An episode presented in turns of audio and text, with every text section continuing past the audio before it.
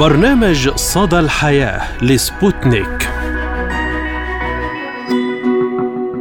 مرحبا بكم مستمعينا الكرام في حلقة جديدة من برنامج صدى الحياة. أقدمه لكم اليوم أنا فرح القادري. وأنا عماد الطفيلي نتحدث اليوم عن مواضيع متنوعة وأهم الأخبار التي كانت ترند لهذا الأسبوع.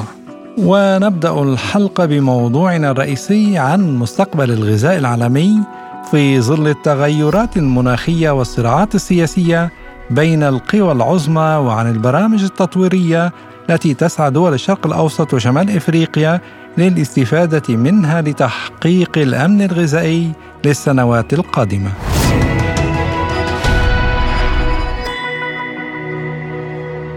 يمثل الغذاء أهمية كبرى في حياة البشر لذلك تسعى الدول إلى تحقيق الأمن الغذائي وتلبية احتياجات شعوبها من الغذاء لا سيما في ظل التغيرات المناخية والسياسية والاقتصادية التي خلقت أزمات غذائية حادة غير مسبوقة.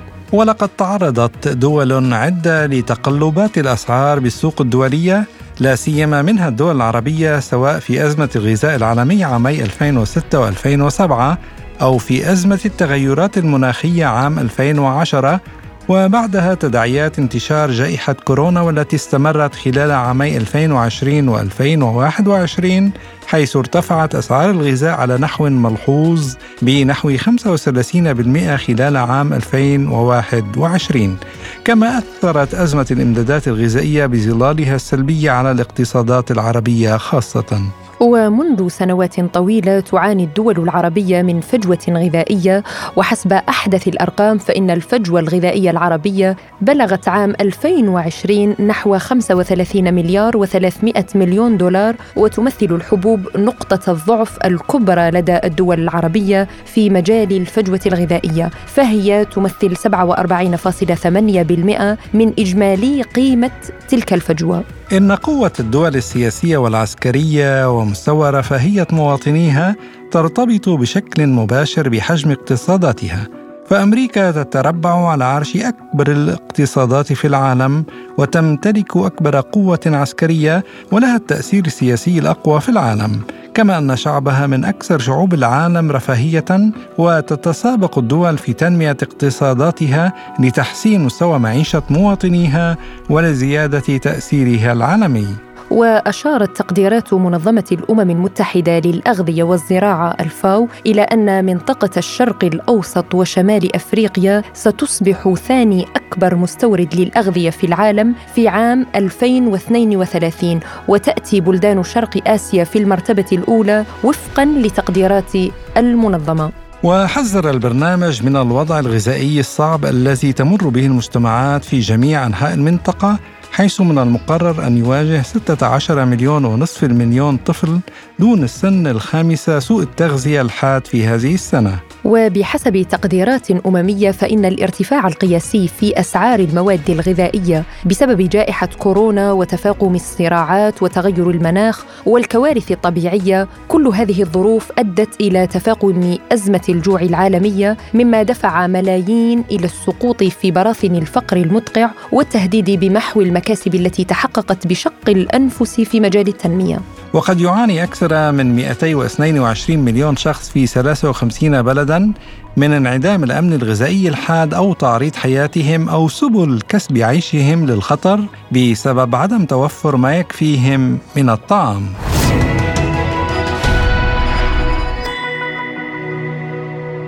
وللحديث أكثر عن هذا الموضوع نستضيف معنا من القاهرة الدكتور شريف فياض الخبير الاقتصادي وأستاذ الاقتصاد الزراعي بمركز بحوث الصحراء. أهلا وسهلا بك دكتور شريف وشكرا لتواجدك اليوم معنا في برنامج صدى الحياة. أهلا وسهلا أهلا بحضرتك. نعم يعني دكتور كما ترى متغيرات كثيرة تحدث في العالم والإنسان هو المتضرر من هذه المتغيرات. كيف ترى مستقبل الغذاء العالمي في ظل آه، الصراعات السياسية وأيضا الكوارث الطبيعية والتقلبات المناخية؟ في بدء الأمر حقيقة الأمر إن هناك خطر حقيقة على مستقبل الغذاء العالمي خاصه للدول العالم الثالث وهي للأسف الشديد هي دول عندها قدرات على إنتاج الغذاء وعندها قدرات أن تكون سلة الغذاء العالمي ولكن نتيجة لبعض السياسات أو السياسات الغربية تجاه هذه الدول واستغلال هذه الدول من قبل الغرب أوروبا الغربية ومن قبل الولايات المتحدة الأمريكية ما يخليهاش عندها القدرة على إنتاج غذاء بنفسها لأن هي بت بتحاول إن هي تعيق هذه الدول في إنتاج الغذاء وتخليها دايما معتمد عليها من خلال آليات تمويلية بتعملها مثل صندوق النقد أو البنك الدولي وهذا. في ده من جانب، الجانب الآخر إن بعض السياسات الأوروبية الغربية بتحاول إن هي تفرض صراعات دولية زي دعم زيلينسكي في روسيا ودخول في حرب مع الدولة الروسية على أساس إن هي تستطيع إنها تقود وكذلك أيضا الصراع مع الصين على أساس إنها تقود مثل هذه الدول زي روسيا أو الصين أو تسيطر على الإنتاج الغذاء وخاصة ان روسيا وأوكرانيا من الدول المنتجة للغذاء بشكل كبير جدا في العالم وخاصة الحبوب الحبوب والزيوت. وبالتالي هذه الدول الغربيه بسياستها تجاه أوروبا الشرقية وبالذات روسيا سياستها تجاه الصين سياستها تجاه أفريقيا سياستها تجاه بعض الدول في أمريكا اللاتينية. فهذه الدول بتحاول إنها تؤجج صراع الغذاء وتؤجج وتخلي هذه الدول معتمدة عليها في توفير الغذاء لهذه الدول. على أساس إن هذه الدول تحاول سيطرة اقتصادية وسياسية وأيضا ثقافية على دول العالم. فهذه دول غربية والسياسات الإمبريالية في الغرب أوروبي وفي الولايات المتحدة باستمرار هذه السياسات سوف يكون هناك خطر حقيقي على إنتاج الغذاء في العالم نتيجة هذه السياسات الغربية. أهم معيار اقتصادي لقياس حجم اقتصاد أي دولة هو الناتج المحلي الإجمالي. برأيك يعني هل الدول العربية بإمكانها الاعتماد على ناتجها المحلي من الغذاء؟ صحيح الدول العربية عندها قدرة على إنتاج غذائها ولكن أهم دولة لكي انتاج غذائها بنفسها. ولكن عشان تحقق هذا لابد من التكامل الاقتصادي والعربي. وإذا لابد الحكومات العربية إن هي تعيد النظر في وتسرع من عجله التكامل الاقتصادي العربي حيث إن الدول العربيه تمتلك مقومات إنتاج الغذاء. عندك دول زي العراق الدولة زي مصر دول زي سوريا دول زي شمال أفريقيا المغرب وتونس و من الجزائر عندها أرض زراعية وعندها موفر المية عندها أراضي زراعية عندها المية عندها التكنولوجي عندها الخبرة التاريخية وبالذات العراق ومصر في ودول أخرى عندها الموارد المالية التي يمكن أن توفرها مثل دول الخليج ودي عندها القدرات المالية اللي ممكن توفر الموارد المالية والتمويلية اللازمة.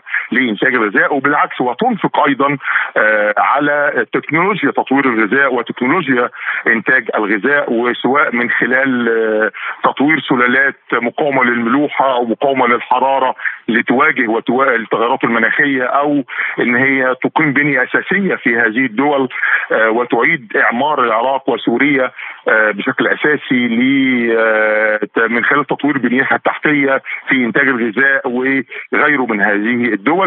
فبالتالي إذا حصل تكامل اقتصادي عربي يمكن يكون للدول العربيه القدرة على إنتاج غذائها والسودان كذلك أيضا عندها أراضي زراعية وعندها المياه المتوفرة في إنتاج الغذاء. وإذا استطاعت الدول العربية بالضبط ولهذا أغرقوها طبعا بالحرب الأهلية في السودان وانقسام وفصل دولة جنوب السودان عن دولة السودان في 2011 وغيره من هذه السياسات الانقسامية اللي مارسها اللي مارسها الدول الغربية بشكل أساسي. وبالتالي إذا حصل تكامل الاقتصاد العربي هذا هيكون هناك طفرة في إنتاج الغذاء على المستوى العربي واللي هتؤثر أيضا على إنتاج الغذاء في أفريقيا وتطور إنتاج الغذاء في أفريقيا وبالتالي يمكن أن يخرج العرب وممكن يخرج جزء كبير من الدولة الإفريقية وبالذات شرق أفريقيا وغرب أفريقيا من براثن الاحتلال الاقتصادي اللي بتمارسه الغرب الأمريكي أو الغرب أوروبا الغربية أو أمريكان على هذه الدول. طيب يعني برأيك لماذا لا تقوم الدول العربية بالاستثمار في مجال الزراعة لتصبح هي المصدرة للغذاء وليست مستوردة؟ يعني ولو كان يعني تصديرها إلى الدول المجاورة الدول العربية لها. في واقع الأمر إن في بعض الدول العربية تستسلم لسياسات صندوق النقد الدولي آه، وصندوق البنك الدولي وكمثال لمصر إن مصر المفروض عليها أجندة من صندوق النقد الدولي وكذلك تونس بيحاول يفرض عليها أجندة من صندوق النقد الدولي ففي هذا في هذا الأمر اللي هي بتحاول إن هي تخلي هذه السياسات بتخلي هذه الدول أكثر تبعية للغرب آه، وأكثر تبعية لدول المركز عن إنها تبقى دول استقرار. نمرة اثنين أن السياسات الأخرى مثل الدول الخليجية لا أظن أن في أولويات دول الخليج بشكل كبير آه، الاستثمار في البنية التحتية إلا بعد استقرار الاوضاع في العراق واستقرار الأوضاع في سوريا واستقرار الأوضاع في السودان لأن مش ممكن الدول الخليجية تأتي لتستثمر أموال في دول عندها صراعات. فلا بد أن آه، تساعد الدول وان يحصل استقرار سياسي في هذه الدول بالذات العراق وسوريا والسودان وكذلك ليبيا قبل ما يبقى في مستثمر. ولكن الغرب الأمريكي والغرب الأوروبي وأمريكا لا تريد مثل هذه الاستقرار لأن هي تعلم إذا حدث استقرار في العراق إذا حدث استقرار في سوريا إذا حدث استقرار في السودان واذا حدث توجه لاستثمارات حقيقيه والخبرة المصرية والعراقية والعراق لها خبرة كبيرة في مجال إنتاج الغذاء آه، قبل التدخل والغزو الأمريكي للعراق. فإذا حصل استقرار في هذه الدول وحصل استثمارات حقيقية من دول الخليج في هذه المناطق الغير مستقرة بطبيعة الحال ولكن للأسف شديد جدا سواء أوروبا الغربية وعلى راسها فرنسا بشكل أساسي أو إنجلترا أو ألمانيا آه، والولايات المتحدة الأمريكية لا يريدون مثل هذا مثل هذا الاستقرار. نهائيا لأن ده لا يعيد عليهم بمصالح بل هيبقى في أضرار عليهم لأن هم مش هيبقوا أكثر استقرارا في هذا الأمر. نعم يعني كما أشرت يظل الجانب الغربي هو المسيطر والمتحكم في الاقتصاد العالمي، طيب برأيك كيف يمكن للدول العربية أن تستثمر في الزراعة والفلاحة لتحقيق مكاسب محلية وتصل للاكتفاء الذاتي من المنتجات المستوردة؟ يعني تقليل استيراد منتجات زراعية بإمكانها هي أن تنتجها.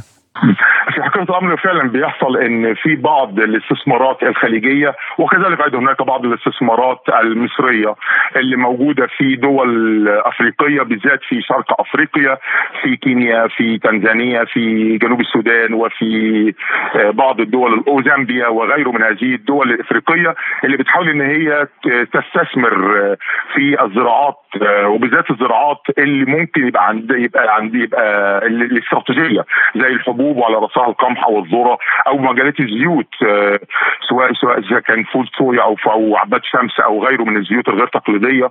فبتحاول مثل هذه الدول الاستثمارات في هذه الأماكن وحقيقة الأمر إذا استطاعت الدول فعلا إن هي آه، إن مثل هذه الاستثمارات يمكن إن هي تعود بالنفع على الدول الإفريقية وعلى مواطنين الدول الإفريقية بشكل كبير آه، من خلال توظيف الأفارقة أو المجتمعات المحلية اللي موجودة في هذه المناطق. من خلال توفير جزء من الغذاء لهذه المناطق من خلال عمل بنية أساسية لاستدامة آه، آه، استخدام آه، مورد المية ويبقى في كفاءة في استخدام مورد المية وهو مورد مهم جدا في إنتاج الغذاء وكذلك مورد الأرض وتدريب السكان الأصليين على إنتاج الغذاء. مثل هذه السياسات ولكن بالتالي ممكن أنها تؤدي إلى التلاحم والتعاون الإفريقي العربي بشكل كبير جدا ولكن هذه السياسات مش للأسف جدا مش على مستوى كبير جدا ما زال آه في في مراحلها الأولى آه ولكن يمكن تكون خطوة في سبيل في سبيل تطوير العلاقات العربية الإفريقية في مجال الغذاء وفي مجال إنتاج الغذاء ولكن المعوق الرئيسي أن لابد ان تربط المصالح المجتمعات المحلية بهذه المشروعات. لأنك إذا لم تربط مصالح المجتمع المحلي بهذه المشروعات يبقى المجتمع المحلي مش هياخد أو مش هيبقى ابريشيت آه، أو يفضل مثل هذه المشروعات. ومن هنا لابد من ربط الموضوع مش بس إن أنت بتتعاون مع دولة مركزية لا تتعاون مع المجتمعات المحلية أيضا من خلال هذا. فبالتالي يمكن من هذه من هذا التعاون المشترك يبقى في يبقى في تعاون حقيقي ما بين الدول العربية والدول الإفريقية وهذا التعاون بيبقى نوع من أنواع الكوبريشن أو التعاون ما بين الجنوب الجنوب إن دول الجنوب تعتمد على ذاتها في إنتاج الغذاء دول الجنوب تساعد بعضها في إنتاج الغذاء دول الجنوب تبقى في تجارة بينية بينها وتزود التجارة البينية في إنتاج الغذاء دول الجنوب تزود الإنفاق على البحث العلمي في تطوير آه، الغذاء وفي ونقطه مهمة جدا وهي ربط تطوير سلاسل الإمداد ما بين دول الجنوب منهم من بعض. الموضوع مش سلاسل الامداد مع أوروبا الغربية أو مع أوروبا أو مع الأمريكان لكن سلاسل الامداد أيضا لابد أن تتطور وتقوى آه، ما بين الدول العربية وما الدول الأفريقية. وحتى ما بين الدول الأفريقية ودول الجنوب أو أمريكا اللاتينية على أساس إن مثل هذا التعاون الجنوب جنوب هيبقى العالم نفسه هيبقى مش احاد القطب يبقى بس الرأسمالية أو الغرب الأوروبي أو أمريكان مسيطرين لكن هناك يبقى في تعدد أقطاب آه، بشكل كبير جدا سواء في الصين أو في أمريكا أو روسيا أو حتى أفريقيا ومن هنا يبقى في عدالة أكثر في استخدام الموارد وعدم استغلال للشعوب خاصه شعوب الجنوب في أفريقيا من قبل أوروبا الغربية أو من قبل أمريكا. نعم يعني في سؤال أخير الكثير من الاقتصاديين يتحدثون عن الفجوة الغذائية، ماذا نعني بالفجوة الغذائية وكيف يمكن التغلب على حدوثها؟ الفجوة الغذائية هي عبارة عن الفرق ما بين الإنتاج والإنتاج المحلي والاستهلاك أو المطلوب. الفرق بين الإنتاج والاستهلاك هو ده يسمى بالفجوة الغذائيه ويمكن أن تكون بالإيجاب بالبوس إيجابي أو سلبي. إيجابي لو كان الإنتاج أكثر من المستهلك أو المطلوب يبقى هنا هناك إيجاب. أما إذا كان المطلوب أكثر من الإنتاج فبيبقى هناك سلبي. وبالتالي السلبي دوت بيتم تعويضه من خلال عملية الاستيراد سواء من مناطق الإنتاج اللي عندها فوائد في إنتاج الغذاء. هذا هو مقصود بالفجوة الغذائية. حقيقة الأمر إن الفجوة الغذائية السؤال الثاني اللي هو الجزء الثاني من السؤال عشان أتذكره كيف يمكن سد هذه الفجوة إزاي؟ التغلب على هذه الفجوة. هو الموضوع مش إن أنا كيف يمكن كيف يمكن تقليل هذه الفجوة الغذائيه لأن ما فيش دولة في العالم عندها اكتفاء ذاتي في كل شيء. لكن يمكن ولكن يمكن أن نقلل الفجوة الغذائية بشكل كبير من خلال اولا لابد من نعرف في في هيكل الإنتاج نفسه. ان إحنا نطور عمليات الزراعة. نطورها الموضوع مش تطوير إن أنا بستنبط سلالات بس أو بزود الإنتاجية بس أو أو أو ولكن من خلال تطوير المؤسسات. لأن المشكلة الأساسية هي تطوير مؤسسات العملية الزراعية نفسها. هناك لابد من وجود آه، اتحادات للمنتجين إن أنا أستمع للمجتمع المحلي المجتمع نفسه عايز إيه؟ في خلال عشان انفذ مقولة السيادة الغذائية وأن المجتمع المحلي هو الذي يدير موارده لأنه أدرى واحد بموارده. آه نمرة اثنين يبقى في خطة مركزية من قبل الدولة المركزية ويبقى في تفاهم ما بين الدولة المركزية وما بين المجتمع المحلي في إنتاج هذا الغذاء. نمرة ثلاثة زيادة الإنفاق على البحث العلمي والتطوير والتكنولوجي اللي هو النو هاو معرفة النو هاو في إنتاج الغذاء. فما ينفعش مثلا ان الدول العربية بتنفق يعني في مجموعها كلها يعني خلينا نقول على مصر مثلا إن أقل من 1% من إجمالي الناتج المحلي بينفق على البحث العلمي والتكنولوجي في مصر. هذا غير كافي خالص لابد من زيادة البحث العلمي آه، الانفاق sorry على البحث العلمي على أساس إن إحنا نستنبط سلالات عاليه الإنتاجية تتوائم مع التغيرات المناخية تتوائم مع الملوحة إن هي تتوائم مع ارتفاع درجات الحرارة الحاجة المهمة جدا وهي الاهتمام بالمجتمعات نفسها ان بعمل سياسات إن أنا بنقل المجتمع من علاقات إنتاج بدائيه ما قبل الحداثة ودي للأسف إن كثير من الدول العربية تتسم بهذا من هذا الشكل من علاقات الإنتاج لأن المزارع لا ينتج للسوق ما عندوش معلومات سوقية ما عندوش معلومات عن الأسعار العالمية فبالتالي لابد من إن أنا أخلي المزارع أحسن ينتج للاكتفاء الذاتي وهدفه الاكتفاء الذاتي ويبيع فائض إنتاجه في السوق المحلي لا ده أنا لازم أخلي المنتج نفسه يبيع فائض إنتاجه في السوق في سوق كبير. ومن هنا لابد من آه، آه، تطوير علاقات الإنتاج ما قبل الحداثة أو خلينا نقول أنماط الإنتاج. ما قبل الحداثة إلى أنماط إنتاج حداثية. ومن هنا نستطيع إن إحنا نرفع الكفاءة استخدام المورد نرفع كسواء أرض أو مية آه ونشارك المجتمع المحلي في إنتاج الغذاء. يبقى في خطة قومية من الدولة المركزية. يبقى في زيادة في الإنفاق على البحث العلمي. آه إذا حصل مثل هذا في المجتمعات العالم الثالث وحصل تعاون اقتصادي بينها وحصل آه تداخل اقتصادي بينها بحيث وتقوية سلاسل الإمداد بينها وبين بعضها وعمل اتفاقيات تجارية حقيقية وتنفيذ مثل هذه الاتفاقيات كمثال مثلا مصر عملت اتفاقية الكوميسا مع دول شرق أفريقيا. ولكن ما أثر اتفاقية الكوميسا على إن إحنا نقدر يبقى access للدول الإفريقية. كذلك أيضا دول المغرب عملت اتفاقية مع دول غرب أفريقيا لماذا لا يتفاعل يتم تفعيل مثل هذه الاتفاقية. وإن إحنا بنعمل اتفاقيات مع أوروبا الغربية وبنحاول نفعل هذه. لابد الدول العربيه نعم ضغوط غربية بالضبط. بالضبط لأن لن يسمح ب... لن يسمح الغرب بأنك أنت تقوي علاقاتك مع غرب أفريقيا أو تقوي علاقاتك مع شرق أفريقيا لأن أفريقيا هي الأرض الواعدة. أفريقيا هي الأرض الواعدة وبالتالي الغرب لا يريد أي لاعب آخر في أفريقيا إلا هو فقط الوحيد. حتى الصين بيحاولوا يقفوا قدامها روسيا بيحاولوا يقفوا قدامها العرب أو أي دولة عربية بتحاول تعمل استثمارات في أفريقيا بيحاولوا يقفوا قدامها وبيفرضوا سياساتهم من خلال صندوق النقد الدولي والبنك الدولي الدولي اللي هم سياسات وآليات فرض عقوبات فرض التخلف والاعتمادية لدول العالم الثالث على لصالح الولايات المتحدة ولصالح غرب أفريقيا ولصالح غرب أوروبا. الخبير الاقتصادي الدكتور شريف فياض كنت معنا من القاهرة شكرا جزيلا لك.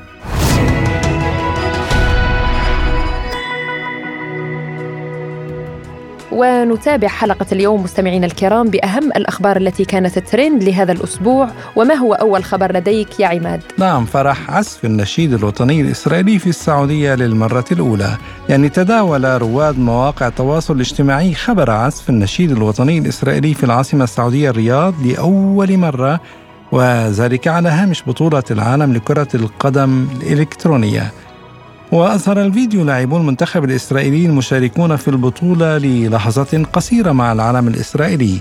كما نشر الحساب الرسمي للفيفا شريط فيديو من افتتاح البطولة الدولية للألعاب الإلكترونية التي تنظم في السعودية.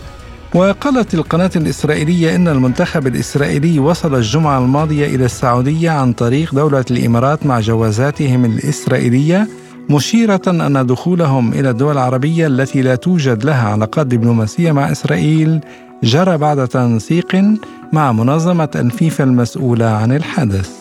يعني بعد هذا الخبر وتم تداوله أكثر يعني في موقع تويتر الكثير من التعليقات المصاحبة إلى إمكانية اقتراب التطبيع بين المملكة وإسرائيل.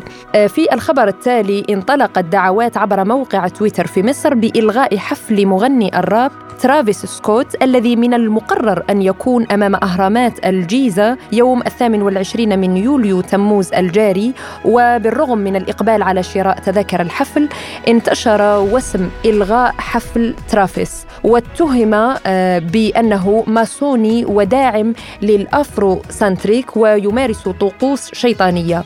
كما أعلن آه، مغني الراب ترافيس سكوت عبر حسابه على تويتر أنه سيغني في مصر في إطار جولة للترويج لألبومه الجديد يوتيوبيا فيما كشفت الشركة المسؤولة عن بيع تذاكر الحفل عن نفادها بالكامل وذلك بعدما طرحت بأسعار مكونة من فئتين الأولى بقيمة 4000 جنيه مصري أي ما يعادل 19 دولار والثانية بمبلغ 6000 جنيه أي ما يعادل 194 دولار. وكانت مصر قد ألغت حفلا للممثل الكوميدي الأمريكي كيفن هارت في شباط الماضي بسبب اتهامات مشابهة مرتبطة بال Afrocentric وهي الحركة التي تدعي أن الحضارة المصرية القديمة وراءها أفارقة من أصحاب البشرة السمراء. وفي الخبر التالي أثار انتشار مقطع فيديو لتعنيف طفل داخل دار حضانة في لبنان سخطا واسعا على مواقع التواصل الاجتماعي.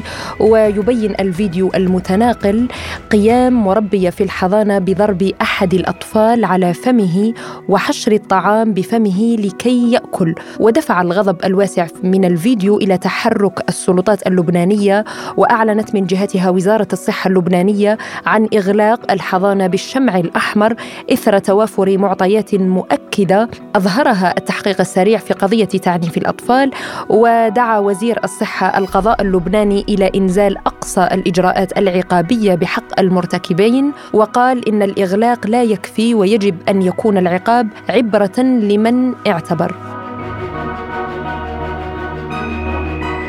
نواصل مستمعينا الكرام معكم حلقة صدى الحياة موسكو تستضيف المنتدى الرقمي تكنولوجيات المستقبل لأول مرة تحاول كعادتها روسيا الاتحادية مواكبة تطورات العصر وتحسين الخدمات العمومية لتوفير حياة أكثر تطورا وازدهارا للبلاد وللمواطنين. روسيا اليوم تقيم أول منتدى رقمي عالمي يحاكي تطورات التقنية التكنولوجية في المستقبل وذلك من خلال مشاركة أهم العلماء والباحثين بمراكز الأبحاث العلمية الرائدة في العالم في مجال التقنيات الرقمية والكم. المنتدى اليوم حمل عنوان مستقبل التكنولوجيات عالم الاتصالات والحوسبة والكم ومن خلاله يمكن يمكننا محاكاة المستقبل ورؤية كيف ستصبح الحياة حتى عام 2050 التفاصيل أكثر مع مراسلنا من هناك جون إلياس. تستضيف العاصمة الروسية موسكو آه، اليوم الخميس آه، المنتدى منتدى التكنولوجيا المستقبلية والذي شهد حضورا تجاوز 1500 آه، شركة. تسعى من خلال هذا المنتدى لعرض آخر أبحاثها وتطوراتها في المجال الرقمي والتكنولوجي. كما شارك في هذا المنتدى الذي يمتد على مدار اليوم على مدار يومين اليوم وغدا أكثر من 100 متحدث وخبير حيث شاركوا بعدد من الندوات.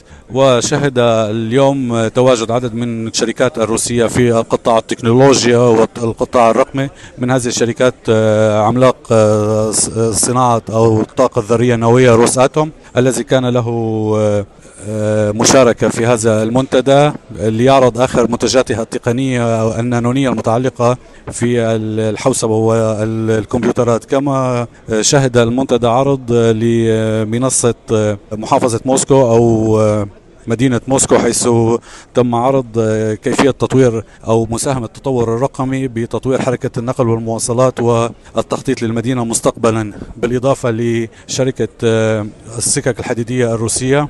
المعروفة باسم ار جي دي شاركت في هذا المنتدى عارضة آه، تطورات آه، أو آخر أعمالها المستقبلية وكيف سوف تكون للتكنولوجيا حيز كبير من في أعمال آه، هذه الشركة. بالإضافة لعدد من الشركات الأخرى المشاركة كما نستمع إلى دمتري تشيرموتشينتسف كبير العلماء للمركز الروسي للتكنولوجيا الكمية الشريك لشركة روس آتم للأبحاث. هنا تعرض بشكل مرئي أجهزة حوسبة كمومية. الحوسبة الكمومية هي مجال يتعامل مع إنشاء أجهزة حوسبة عالية الأداء تسمى أجهزة الكمبيوتر كمومية. على عكس أجهزة الكمبيوتر الكلاسيكية تعمل هذه الأجهزة على مبادئ مختلفة وتستخدم خصائص ميكانيكا الكم. نحن تحت إشراف شركة روس آتم نبني أجهزة الحوسبة الكمومية في روسيا. كما تعرض هنا منصة توضح كل أجهزة الكمبيوتر الكمومية والمهمات التي يمكنها أن تقوم بها.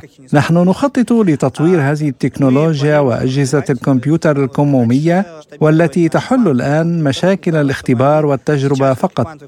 وفي غضون سنوات قليلة نأمل في تطويرها إلى الحد الذي يمكن أن تحل فيه أجهزة الكمبيوتر هذه المشكلات المهمة لصناعة الكمبيوتر والتي ستعمل على تحسين حياة الناس في روسيا وحول العالم.